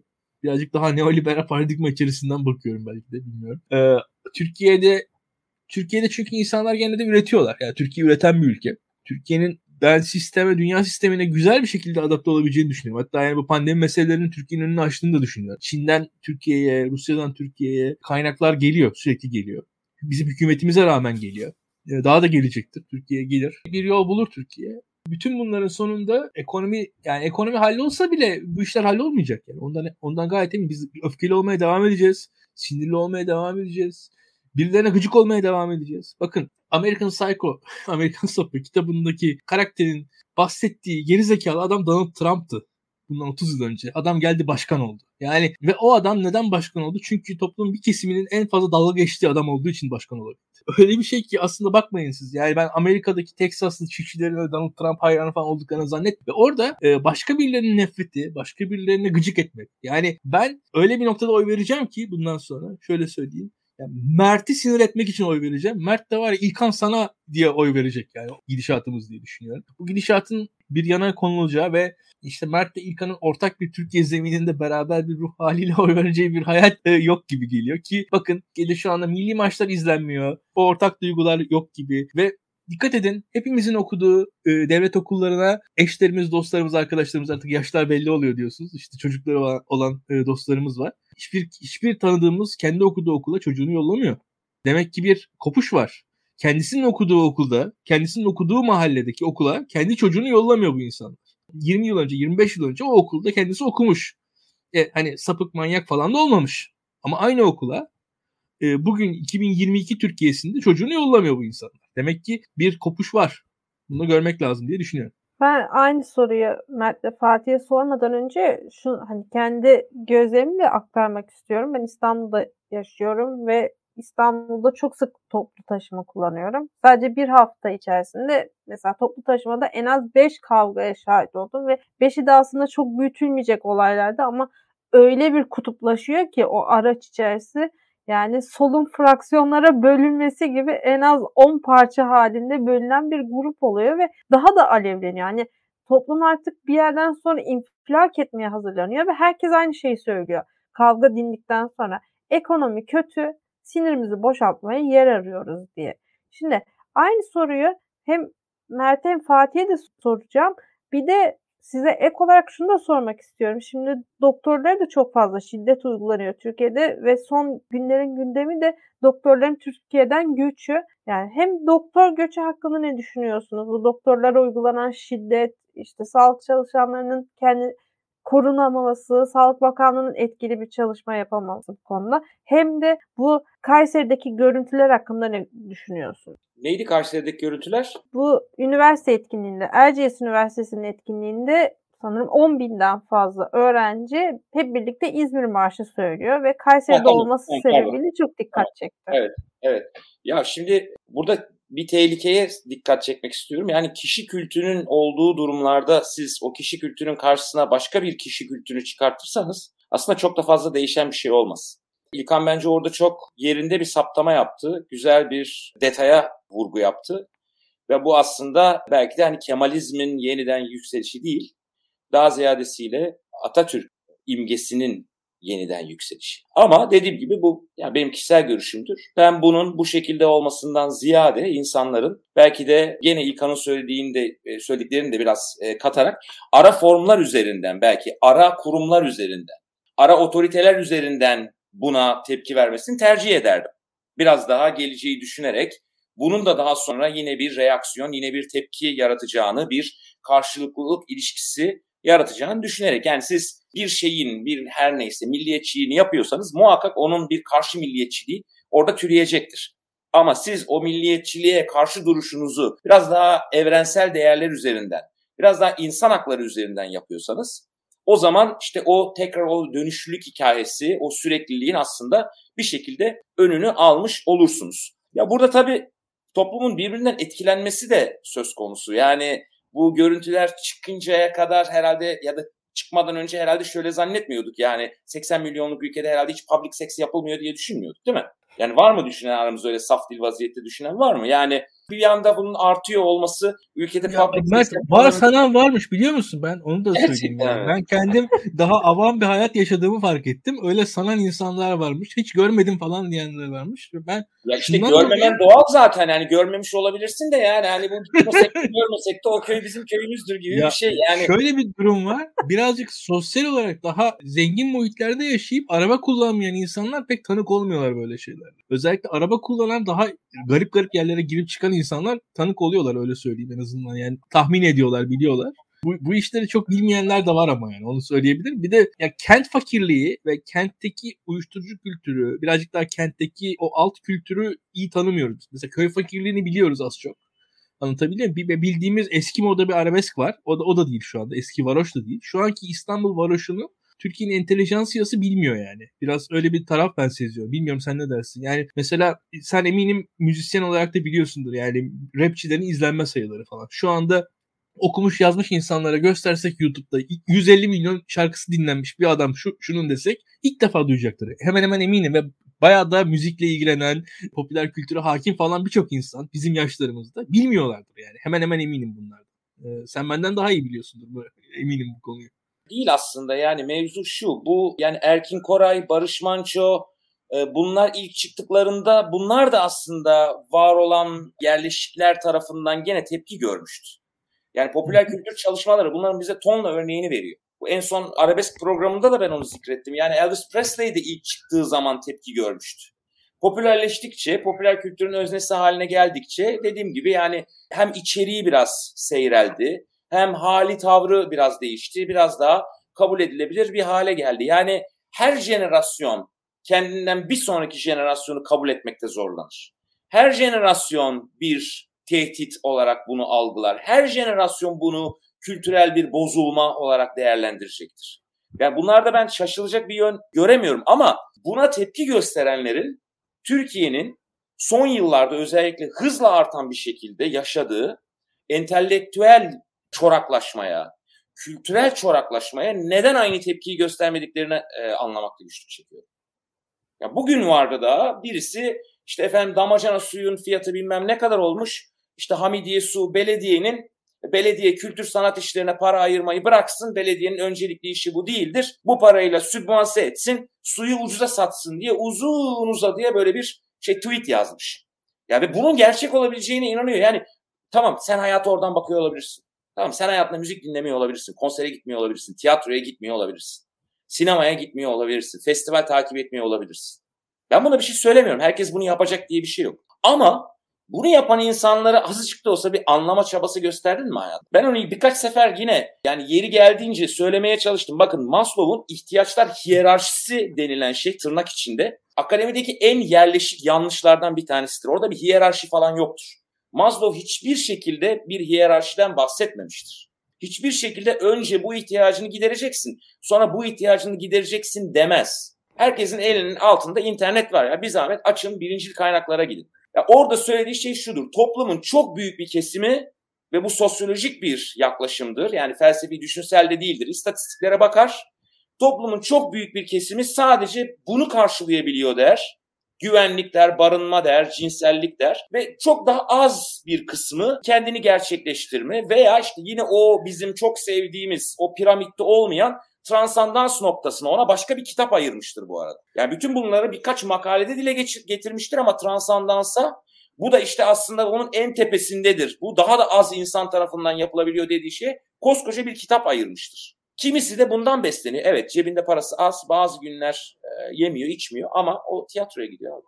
Şimdi nasıl açıklayacağız ya. bunu? Yani ya bunlara anomali diyeceğiz ya da toplumun bu kesimini ya da bazı insanları toplumdaki biraz daha anlamaya çalışacağız. Z kuşağı ile ilgili de öyle çalışmalar ve bunları biz nasıl kategorize edelim?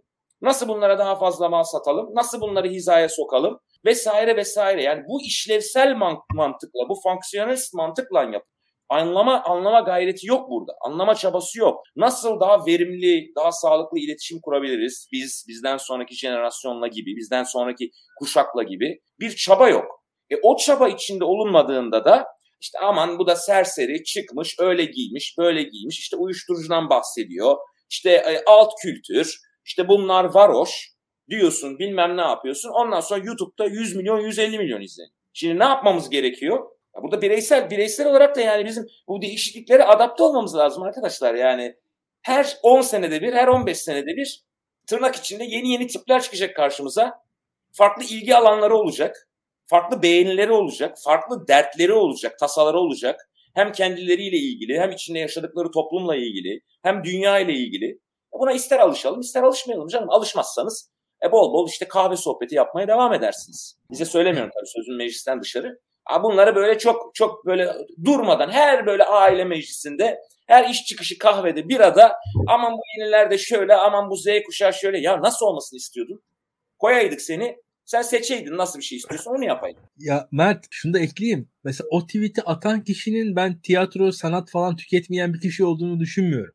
Tam aksine o da bir ideolojik tavır. Ne kadar halktan yana olduğunu göstermek için onu söylüyor. Yoksa hakikaten kendi fakirlik standartından söylese bence daha itibarlı bir söz olur o. O, o sözü de yani biraz şey gibi o da aslında biraz bir ideolojik pozisyonda hatta yani daha teatral bir şekilde o da söyleniyor yani orada vatandaşın böyle dertleri varken diye başlıyor aslında o cümlede. Yani orada da ki zaten birazcık da şey ya Türkiye'de ben şuna inandım bu bu son süreçte son enflasyonu e, biraz Twitter'da da hissediyoruz. Orada da herkes konuşuyor fiyatların artışını. Türkiye'deki en zor iş açık ara kasiyerlikmiş. Yani benim gördüğüm kadarıyla. Bu yani Allah kasiyer kızlarımıza sabır versin. Yani hakikaten onlara ne kadar ödense azdır. E, ve şu anda ben ya çünkü şunu gördüm.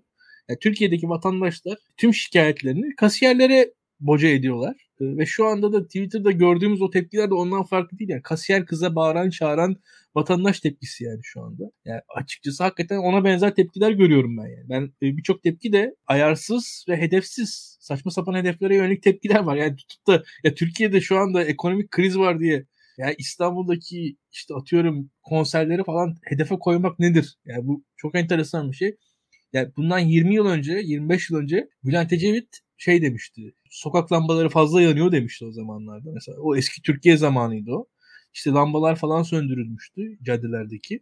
O eski paradigma Türkiye'nin hafızasında var o. Herkes de var. Yani bir şekilde tutumlu olalım, az harcayalım, ya sanki Türkiye'nin dünyanın en ekstravagan ülkesi olduğunu hisseden. Ya dünyanın en büyük lüksleri Türkiye'de yaşanıyor. Dünyanın en büyük harcam ya yok böyle bir şey. Siz dünyadan habersiz. Dünyadaki ya gittiğiniz ülkelerdeki dünyalardan da habersiz. Gittiğiniz ülkelerde de garibanların yanında takılıyorsunuz. Oranın da acayip lüksleri var. Siz farkında bile değilsiniz. Ya Belçika'da böyle lüks yok. Ya abi sen görmemişsin onu. Yani yok şimdi açıkçası.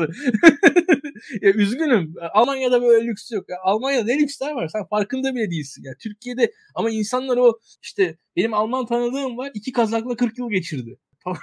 Sanki Almanya'da bir tüketim yokmuş gibi bir hayal dünyası içerisinde bir Türk halkı var. Yani biraz o konularda ben bu tasarruf konusunda Türk halkının dediklerini çok ciddi almam açıkçası. Yani biraz bu konularda biraz şeydir, bir angajedir diye düşünüyorum. Yüzde yüz katılıyorum bu arada yani son söylediklerine açıkçası. Ya kimse niye daha fazla tasarruf etmiyoruz diye düşünmekten niye daha yaratıcı bir şekilde, daha katma değeri olan, katma değeri yüksek üretim yapmıyoruz diye sormuyor.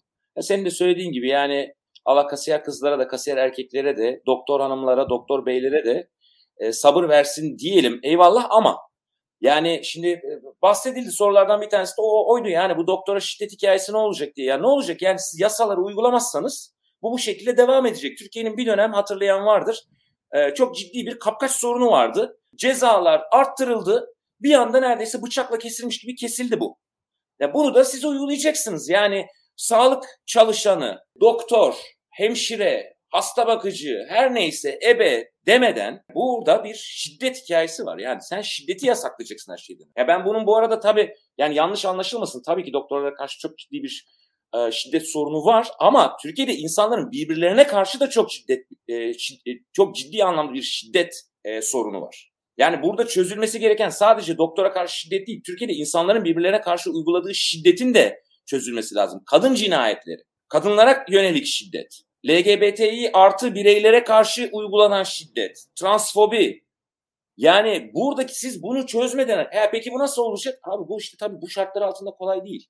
Yani çünkü yasa koyup uygulayamayan bir yönetimden bahsediyoruz. Bir süre sonra o yasaların tabii haliyle ciddiye alınması mümkün olmuyor. Çünkü ya da keyfi olarak uygulanıyor, kişiye göre uygulanıyor. Sen bunu yaparsan göz ardı ederim, Başkası yaparsa ensesine binerim. Senin vergi borcunu sen ya seviyorum seni kara kaşından kara gözünden dolayı ya bana yandaşsın. Senin vergi borcunu siliyorum ama seninkini silmiyorum. Yani böyle kararların, böyle kararların gücü tek başına elinde bulunduranların insafına bırakılmaması lazım her şeyden önce. Hukuk devleti olmak, adaletin yerleştiği bir toplum olmak ancak bu şekilde mümkün olabilir. Sözü Fatih Bora'ya bırakmadan önce bir araya gireyim. Hafta sonu Bilgehan Hoca'nın Medyaskop'ta yazdığı yazıda çok güzel bir yazı. Erşan Kuneri ve son günlerde yaşanan olayları bağdaştırıyor. Orada diyor ki 31 Mayıs görüntüleriyle ilgili.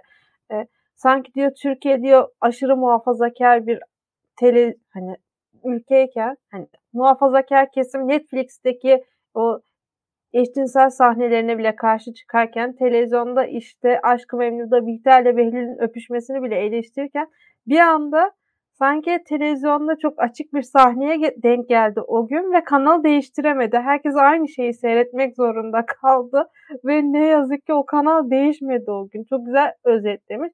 Bir de dediğiniz gibi hocam şimdi mesela Kadıköy'de de geçen gün LGBTİ artılara değindiniz ya.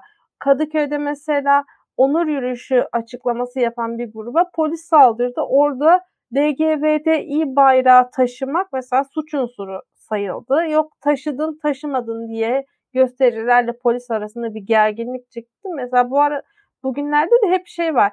İşte neden firmalar gö- logolarını gök kuşağına boyuyorlar. LGBTİ artılara destek veriyorlar. İşte neden Amerika konsolosluğu konsolosluk binasında gök kuşağı bayrağı astı. Ondan bir gerginlik çıkarmaya başlıyorlar. Twitter'da da şimdi mesela bu, bu dönemde şey var. LGBTİ artılara destek veren, logosunu değiştiren kurum ve kuruluşları tespit edip ifşalamaya çalışan bir grup var. İşte buradan alışveriş yapmıyoruz, şuradan şey yapmıyoruz diye kendi kendine bir savunma mekanizması geliştirmeye çalışan var. Yani toplum her şeyden gerginlik çıkarıp kutuplaşabiliyor. Ben bu e, to, doktora şiddet konusunu da Fatih Bora'ya da sormak istiyorum. Sen ne düşünüyorsun Fatih? Hem bu doktora şiddet olayı hem bu Kayseri'deki görüntüler hakkında.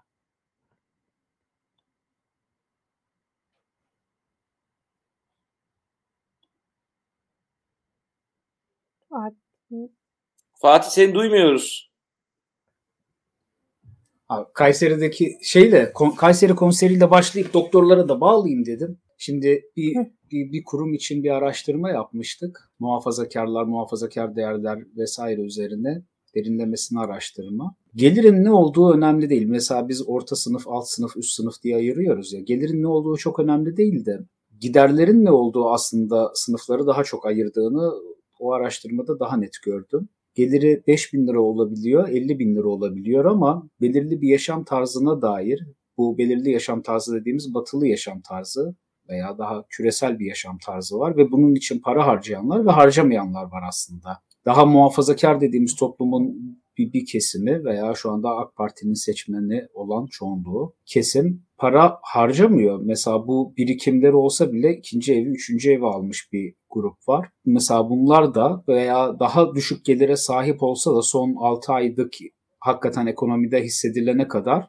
aslında ekonomideki gidişattan çok da rahatsız olmayan bir gruptu. Bizim orta sınıf olarak, sosyoekonomik olarak orta sınıf dediğimiz insanlar gelirinden de bağımsız olarak gider giderde belirli bir yaşam tarzına entegre olmuş insanlar. Ben İlkan'ın söylediğine katılıyorum. Genel olarak da aynı fikirdeyim. Yükselen şey Kemalizm değil Mustafa Kemal ikonu. Atatürk ikonu neyi temsil ediyor bir ona bakmak gerekiyor. Yani orada gençler yaşa Mustafa Kemal Paşa dediği zaman neyi ümit ediyorlar? Şimdi biraz spekülatif so- düşünelim. Bunlar üniversite öğrencileri ve aslında Erdoğan şöyle bir şey yaptı. Türkiye'deki ikinci, üçüncü dalga oldu bu. Ciddi üniversite açma ile bir orta sınıf hayali vardı. Üniversite okursunuz. Üniversite diplomasına sahip olduktan sonra sosyoekonomik olarak sınıf atlarsınız. Alt sınıf saysanız, orta sınıfa geçerseniz, orta sınıftaysanız da orta sınıfta devam etmeyi garanti edersiniz. Şimdi bu orta sınıf üniversiteli nüfusun artmasıyla beraber bir bunun ekonomik olarak devamlılığı tehlikeye düştü diyelim. İkincisi bu orta sınıf olduktan sonraki orta sınıf gelirinizle elde etmek istediğiniz, yaşamak istediğiniz yaşam tarzı da devlet iktidar tarafından reddediliyor. Kadınların sesini muhtemelen ben de aynısını duydum çünkü. Kadınların sesi yaşa Mustafa Kemal Paşa derken daha yüksek geliyordu. Çünkü kadınlar da Mesela 1975 yılında bu kadar kadın öğrenci var mıydı? Yoktu. Şu anda çok daha fazla kadın öğrenci var. Aynı hayatta orta sınıf eşit bir hayatı yaşamak isteyen daha fazla kadın olduğu ve orta sınıf hayatı yaşamak isteyen geniş bir nüfusun olduğu bir toplumda yaşıyoruz. Küresel bir orta sınıf hayatı yaşamak istiyor insanlar. Küresel değerlere daha entegre bir orta sınıf hayatı yaşamak istiyorlar. Bence burada Atatürk'ün sembolize ettiği, insanların Atatürk ikonunun etrafında umut ettiği şey şu. Bu iktidar değişecek ve biz bu orta sınıf hayatı geri kavuşacağız. Ben bu konuda programın başından beri olumsuzluk abidesi olarak kenarda duruyorum ve ben bunun gelecekte çok beklenildiği kadar ol, olabileceğini tahmin etmiyorum. Yani çok eşyanın tabiatına uygun görünmüyor. Bu şekilde bir değişim olmayacak. Belki yaşam standartında yani yaşam tarzında bir şeyler gelecek ama özgürlükler adına bahsedebiliriz ama gelir anlamında ve tamamen küresel sisteme entegre bir orta sınıfın ortaya çıkabileceğini kısa vadede düşünmüyorum. Bunu yapmak çok kolay olmayacak. Çünkü bizim ekonomik olarak net bir şekilde kişi başına düşen ulusal geliri 20 bin dolarlara çıkartmamız gerekiyor. En azından sürdürülebilir bir hale getirmemiz için. 20 bin dolarlara getirmek de öyle iki tane küçük hamle yaparak gerçekleştirebileceğimiz bir şey değil. Yapısal reformlar gerekecek. Bu reformların uzun süre ayakta kalmasını gerekecek. Bu reformları yapan kişiyi iktidardan halkın devirmiyor olması gerekecek. Çünkü bu reformları yaparken çok kişinin de canını yak can yanmalarının olup olmadığıyla göreceğiz. Doktorlara şiddet meselesiyle de bunu bağlarsak şöyle bir şey var. Üst sınıflara bir şey yapamıyorsunuz.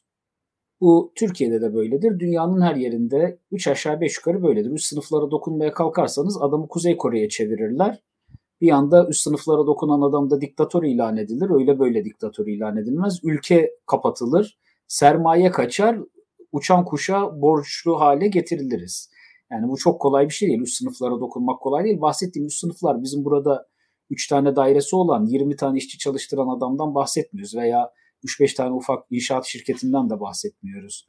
Büyük şirketler neredeyse sıfıra yakın vergi ödüyor. Onunla ilgili çok yani detaylı bakabilirsiniz. Bu küresel şirketler oradan alır oraya satar, oradan oraya çıkartır vergi cenneti ülkelerde bu yüzden vardır. Sonunda para vergi cenneti ülkelere aktarılır ve gelir orada gösterilir. Bu büyük şirketler bir şey ödemez. Cüzi, KDV dışında doğru dürüst KDV'yi bile ödemezler çoğunlukla. Bunların dışında bir şey yapma şansınız fazla yoktur. Onlara dokunamıyorsunuz. Hikaye orta sınıfla alt sınıflar arasında biz parayı nasıl dağıtacağız? Paradan biraz bahsedeceğiz demiştik. Yani para olarak aslında bakarsak sağlık üstümüzü örteceğimiz bir şey. 3 tane kıyafet dışında yani bizi soğuktan koruyacak kıyafetler, sıcakta uygun şeyler dışında çok böyle eski dedem usul düşündüğüm zaman zaten sahip olduğumuz şeylerin büyük kısmı fuzulidir. Biz bunları niye sahip oluyoruz? Aslında biz senin sahip olduğun şeye ben de sahip olmak istiyorum onun ondan daha fazlasına sahip ol, olmak istiyoruz. Nispi olarak biz zenginleşip fakirleşiyoruz. Yani biz aslında kendimizi nispi bakıyoruz. Şimdi küresel olarak da her yeri açtık. Instagram'ımız da var. YouTube'dan da seyrediyoruz. Küresel olarak da kendimizi fakir hissediyoruz. Komşumuzdan da zengin miyiz değil miyiz diye bakıyoruz. Doktorla halkın arasındaki mesele de şu. Doktor halkın en fazla doğrudan muhatap olduğu orta sınıf. Zaten yıllardır bunun biriktirdiği bir öfke var. Orta sınıfa karşı daha alt sınıfların biriktirdiği bir ülke var ve bu alt sınıflardan kastım sadece gelir olarak alt olmaları değil, sosyoekonomik olarak alt sınıf olmaları, sosyal olarak da daha aşağı olmaları. Şimdi daha eşitlikçi bir yer kurmaya çalıştığımız zaman da eşitliği nereden kuracağımızı biz bilmiyoruz. Bir anda öfke patlamasıyla karşı karşıya kalıyoruz. Doktor bir taraftan veya diğer işte Erciyes Üniversitesi'ndeki gençlerin de söylediği şeyler şu. Biz geri eski orta sınıf olmak istiyoruz diyor aslında. Biz geleneksel orta sınıf olmak istiyoruz diyorlar. Daha korporatist dönemdeki orta sınıf olmak istiyoruz diyorlar ama biz o dönemde değiliz. 29 Ocak 1980'de bunun cenazesi kaldırıldı. Yani daha doğrusu rahmetli olduğu düzen bugüne kadar da yavaş yavaş cenazesi kaldırılıyor. Yani biz uzunca bir süre aslında memurların, memur olmanın kıymetsiz olduğu bir ülkede yaşadık. Sanırım 1988'de mi borsa kurulmuştu? Yani o dönemden 2015'lere kadar aslında memur olmak kıymetli bir şey değildi. 2013-2014'e kadar memur olmak kıymetli değildi. Beyaz yakanın bazı yerleri kıymetliydi, bazı yerleri değildi ama bir yerden sonra memur olmak iyice kıymetli hale geldi. Bu da çok sürdürülebilir bir yerde gitmiyor. biz eski korporatist dünyaya dönemiyoruz ama adapte olmaya çalıştığımız yeni küresel sistemde sağ olsun 2008 krizinden sonra patladı. Bir kendimizi kandırmayalım. Yani Amerika dünyaya bu kadar para saçmış olmasaydı ne AK Parti dönemini yaşardık ne başka bir şey yaşardık. Ben dünyayı 2000 yılından beri iyi kötü sürekli her yeri geziyorum. Evvelinde de gördüm. Hani 2002-2003 yılında Vietnam'a gittiğiniz zaman bomboş bir ülkeydi. 2006 yılında gidiyordunuz Tayland'a sağda solda gökdelen dikilmeye başladı. İstanbul'da da dikilmeye başladı. Biz 3. dünya ülkeleri, fakir fukara devletler bir anda servetle karşılaştık. Bizim ömrü hayatımızda 50 yıldır, 100 yıldır görmediğimiz şeyler. Ya biz nasıl fakir olduğumuzu şöyle anlatayım. Biz de borsanın kurulduğu tarih 1987 mi 88 mi ne doğru dürüst adam olması 1990'lar 1990'da böyle ciddi ciddi çalışmaya başladı. İlk 94'te de krizini yaşadı. Borsa krizini yaşadık. Bizim 1994'te yaşadığımız krizi Amerika 1929 yılında yaşamış. Biz şurada 7 katlı apartman diktiğimiz zaman vay be ne diktik dediğimiz yerde adam Empire State yapmış. Yani eski usul söyleyeceğim. Yani biz 50 yıl 100 yıl gerideyiz. Yani yok öyle bir şey. Şöyle bir haritaya baktığımız zaman dünyanın kenarında eski fakir bir ülkeyiz. Amerika'dan baktığın zaman poor old Europe diyorlardı ya. Yaşlı, fakir Avrupa diye bakıyor Amerika'daki adam. Böyle bir yerdeyken bütün dünyaya para saçıldı, servet saçıldı. Sınıflar arasındaki hikayeler koptu. Toplumun içerisindeki sosyal mekanizmalar koptu. Şimdi bambaşka bir şeyin içerisindeyiz. Kahrolsun neoliberalizm diyesim gelmiyor. Böyle bir şey demeyeceğim de küresel kapitalist sistemin yaşamadığı, yani uyum, uyumlanması zannettikleri kadar kolay olmadı. Şimdi bir anda geliyor adam. Eskiden 3 tane bitli turist geliyordu. Onun dışında bir şey görmüyorduk. Şimdi geliyor turistler. Adamlar para harcıyor. Ben bugün Nişantaşı'ndaydım. 3 arabadan bir tanesi ya Alman plakalı, ya Rusya plakalı, ya Ukrayna plakalı lüks araç. Gelen turistler para harcıyor çünkü dövizden dolayı bizim Türklerin orada oturma şansı yok. Eskiden geleneksel orta sınıf yani belki 1975 yılındaki doktor da 1000 dolar maaş alıyordu ama Diğer kalan 100 dolar aldığı için onun 1000 doları nispi olarak 10 katı olduğu için toplumun içerisinde o saygın orta sınıf konumu vardı. İşçiliği Türkiye'den alıyordu. Harcaması Türkiye içerisindeydi. Kendi hayatının içerisinde devam edebiliyordu. Şu anda durum öyle değil ki. Küresel paranın içerisindeyiz. Bizim paralarımız komik kalıyor. E bizim paramızın değeri de düşüyor. Çünkü bizim onun karşılığını üretecek gayri safi milli hasılamız yok. En iyi olduğu dönemde de işte 12 bin dolarda daha da ötesini görmedi. Yani hiçbir zaman biz 40 bin dolar sahibi olmadık ama 40 bin dolar sahibiymiş gibi yaşadık. Yani İlkan dedi Almanya'da bu kadar servet yok. İngiltere'de yani ben Almanya'yı o kadar iyi bilmem de hakikaten ben İngiltere'de onlarca ikinci el mağazası gördüm. Türkiye'de ikinci el mağazası şimdi bir iki tane internet sitesi sayesinde ikinci el satışlar, alışlar başladı. E çocuk elbisesi bile kimse ikinci el almıyordu. Burada ikinci el bir şey alım satımı bile yoktu. Yani ben bu kadar tüketimi Avrupa Amerika için söylemiyorum. Hakikaten Amerika tüketiyordu. Her zaman tüketti. O ayrı bir şey de yani Avrupa'da bu kadar tüketmedi. Tamam bazı şeylere daha ucuza mal oluyor. Yurt dışına tatile geldikleri zaman paralarının değerli olmasından dolayı daha rahatlardı ama ben halen bizim uzunca bir süre çok zengin ve iyi yaşadığımızı düşünüyorum. Ama ve lakin şimdi bu küresel sistemin içerisine entegre olduğumuz zaman fakirliğimiz eskisinden çok daha sert bir şekilde ifşa oldu fakirliğimiz ifşa olurken bir taraftan da kendi geleneksel kas sistemimiz diyelim. Kas sistemimiz kendi geleneksel kas sistemimiz dağılmış oldu burada. Yaşım 58 bu kadar rezil bir ortamı hiç yaşamadık. Evet 90'larda biz yaşadık. 90'larda biz bu kadar tüketmiyorduk. Zaten benim de bahsettiğim dönem 2005-2015 arası dönem. Hakikaten çok hızlı bir şekilde bir zenginleşme yaşadık. Bu zenginleşmeye varı yoğu sattık. Yani bayağı bildiğin arsayı satıp yiyen dayılar gibi olduk dededen kalan arsayı sattık. Oradaki fa- babadan kalan fabrikayı sattık. Onu sattık, bunu sattık. Yedik, borç aldık, yedik. Hep beraber yedik. Hiç de şey yapmayalım. Bir kere rakı sofrası çıkışında bir tane şeyde oturmuştum. Çorbacıda oturmuştum. Kafayı da iyi çekmiş bir abi vardı orada. O aklıma geldi. Şey diyordu böyle memleketin ne hali olacak, hali ne olacak falan diye biz konuşuyorduk böyle her rakı içmiş Türk vatan Türkiye vatan Cumhuriyeti vatandaşı gibi. Adam şey dedi ya sen yedik ben yedim. Hepimiz beraber yedik yani hiç de böyle atıp tutmayalım dedi. Onu yapmadık bunu yapmadık. Yani biz aslında birileri biraz fazla yedi ama topluca hakikaten yedik bence. Çünkü Erdoğan'ın seçilmesi de buna bağlıydı. Topluca ahaliye bence kendi fikrimi söyleyeyim ürettiğinden çok daha fazlasını verdi ve şimdi bedeli olarak hak etmediği bir şeyle karşılaşıyor Türkiye. Yani biz bu kadar da fakir bir ülke değiliz bu arada. Şu an yaşadığımız fakir veya gittiğimiz yöndeki kadar da fakir bir ülke değiliz ama daha evvelde olmadığımız kadar zenginlik yaşadık. Yaşadığımız zenginliğin bedelini ödemeye geldik.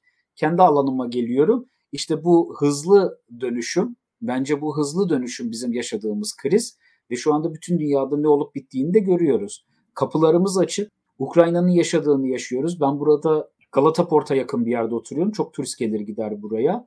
Birkaç defa denk geldim. Böyle yanda seyrediyorum. Genç kızlar oturuyorlar. Ben bunu 15 yıl önce Ukrayna'da görmüştüm işte. Alman iki tane çocuk oturuyor. Baktım böyle masayı değiştirdiler. Yanlarına geldiler.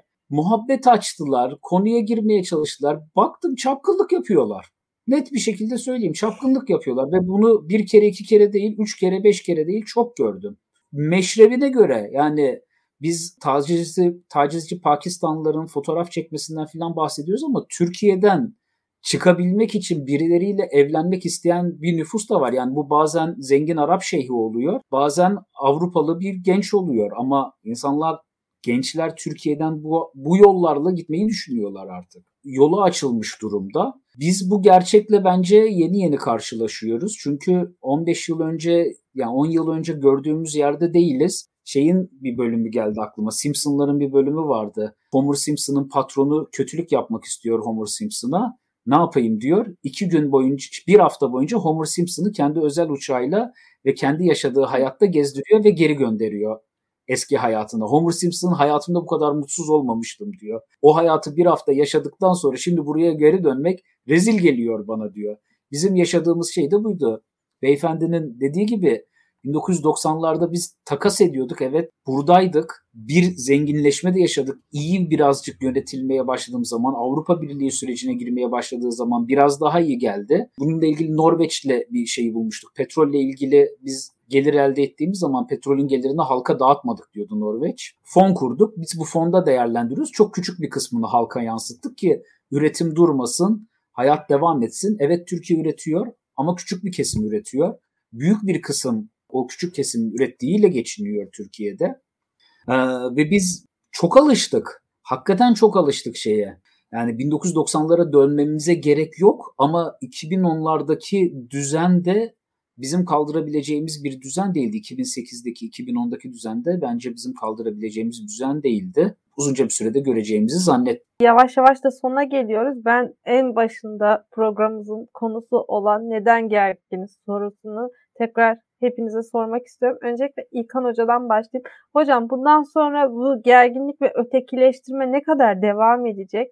Ve bu ötekileştirme sonunda daha mı çok şiddet olayı duyacağız ya da o bebekteki gibi daha çok sevgi içeren aktiviteleri mi görmeye başlayacağız? Siz nasıl bir şey hmm. öngörüyorsunuz? Bir defa ya kendim ekonomik olarak Türkiye'nin geleceğinden daha ümitliyim. Yani bir onu söyleyerek başlayayım. Ve hatta 20 bin dolar da oluruz. Türkiye 3 bin dolardan 10 bin dolara çok hızla çıktı. 8 bin dolardan da 20 bin dolara yine aynı hızla çıkar diye düşünüyorum. Türkiye'nin önünde çok fazla fırsat var. Henüz Türkiye'nin öyle o kadar yani yaşadığı zenginlikleri de çok aşırı zenginlikler olarak hala görmüyorum. Türkiye'nin en zengin olduğu günde ki zenginliği Yunanistan'ın yarısı kadardı. Yani Yunanistan 20 bin dolardayken Türkiye 10, 10 bin 10, 11 bin dolardaydı falan yani. Hani bakılırsa Türkiye'deki o balon vesaire denilen şey bile aslında Yunanistan'ın yarısı kadar.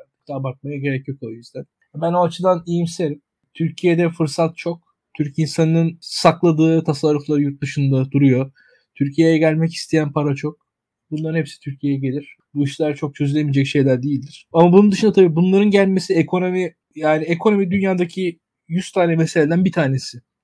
Tabii ki çok önemli mesele ama yani şöyle söyleyeyim Fatih'in de Mert'in de çok işi olacak. Hele hele bu dediğim iyimser senaryo gerçekleşsin belki daha fazla işler olacaktır. Yani öyle söyleyeyim. Çünkü daha fazla sorun ortaya çıkacaktır o zaman. Daha büyük alt üst oluş olacaktır ve e, bu da hiç kimseyi tatmin de etmeyecek. Bunu da söyleyeyim yani bakmayın siz. Böyle iyi senaryonun da öyle güllük gülistanlık olduğunu düşünmüyorum.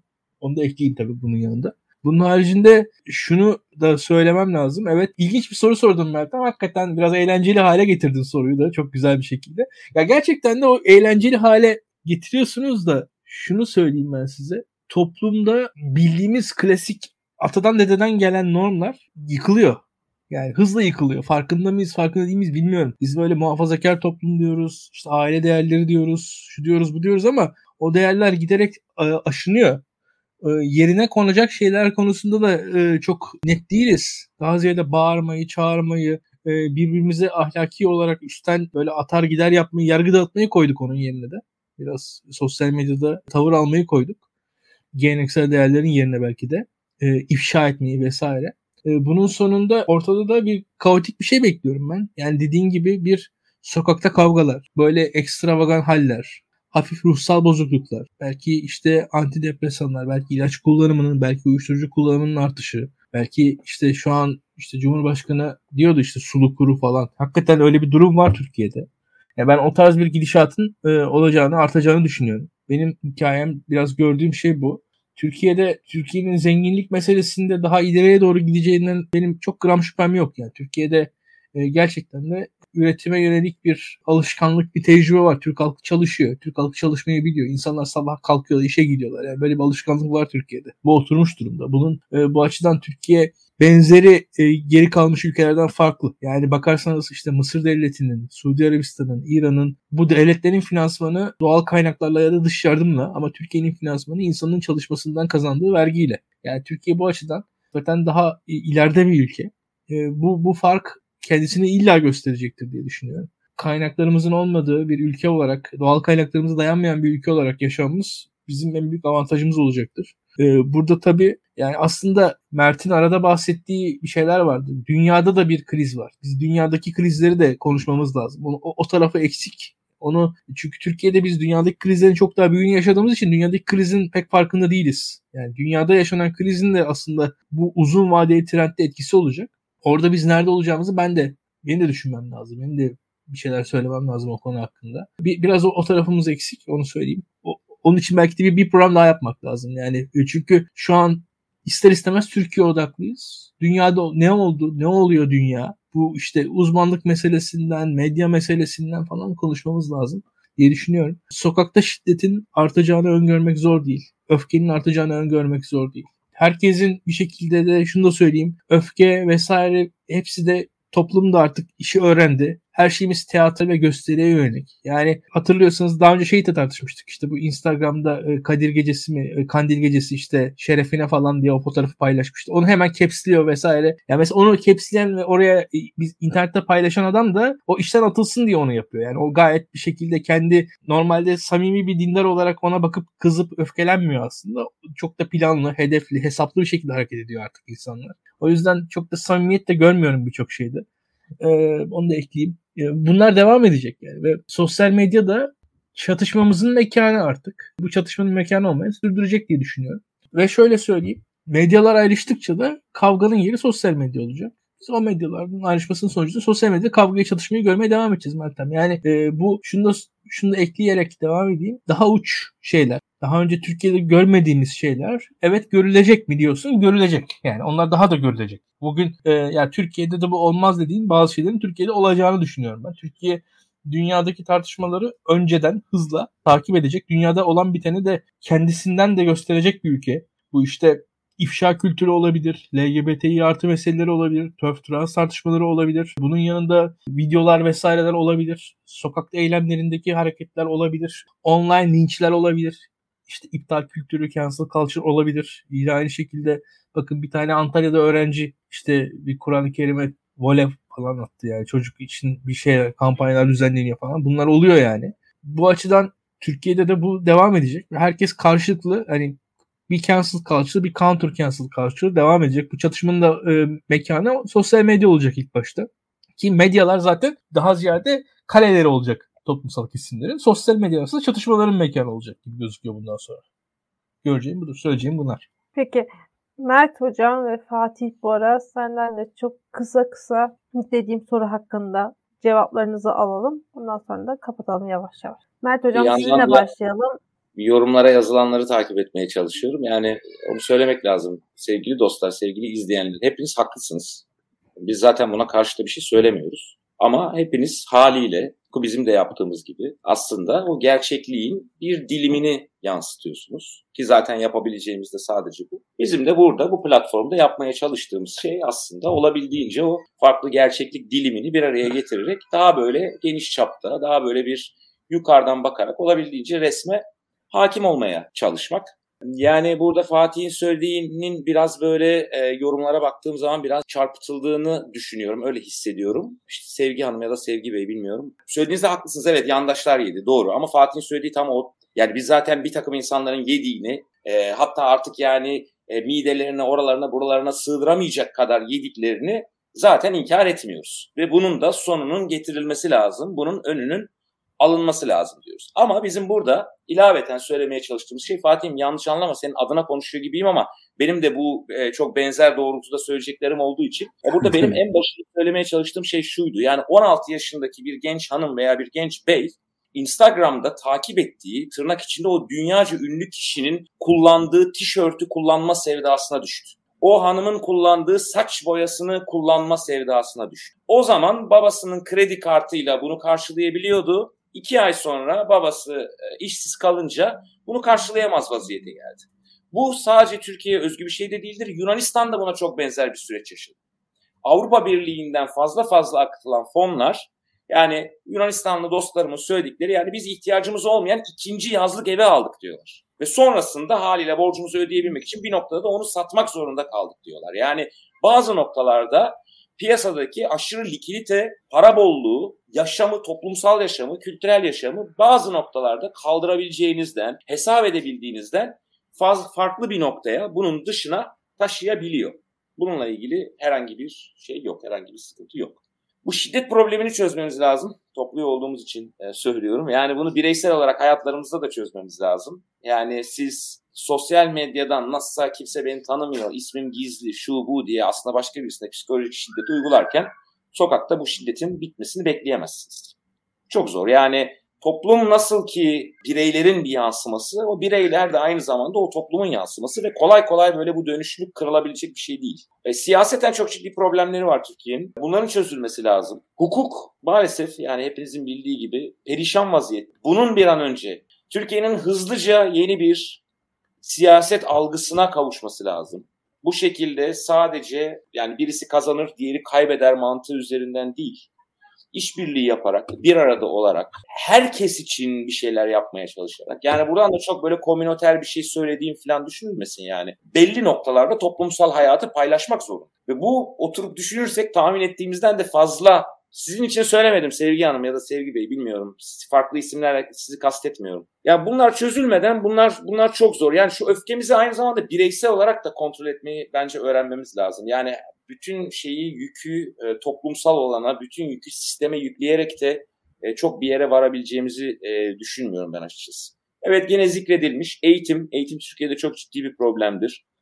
E, Fatih bence yeteri kadar net ortaya koydu. Ben ona ilaveten bir şey söyleyeyim. Biraz da böyle ortalığı karıştırayım. Ondan sonra artık aklınızda bu kum falan dağıldığında zihninizde ne kalırsa. Ben o noktada biraz aslında bu işin ideolojik bir yönü olduğunu da düşünüyorum. Belki Fatih senin yorumlayacağından da öte. Üniversite mezunu olmak Türkiye'de biraz o işte Bartes'ın yaklaşımıyla biraz boş gösteren haline de gitti. Yani bir anti entelektüel ortam e, hazırlamak istiyorsan aslında yapacağın şey entelektüelleri ortadan kaldırmak değil. Onların tırnak içinde sahip oldukları vasfı daha fazla dağıtmak ki aslında onların kendi gözünde tabii bunu yapanların bir ayrıcalığı kalmamış oluyordu.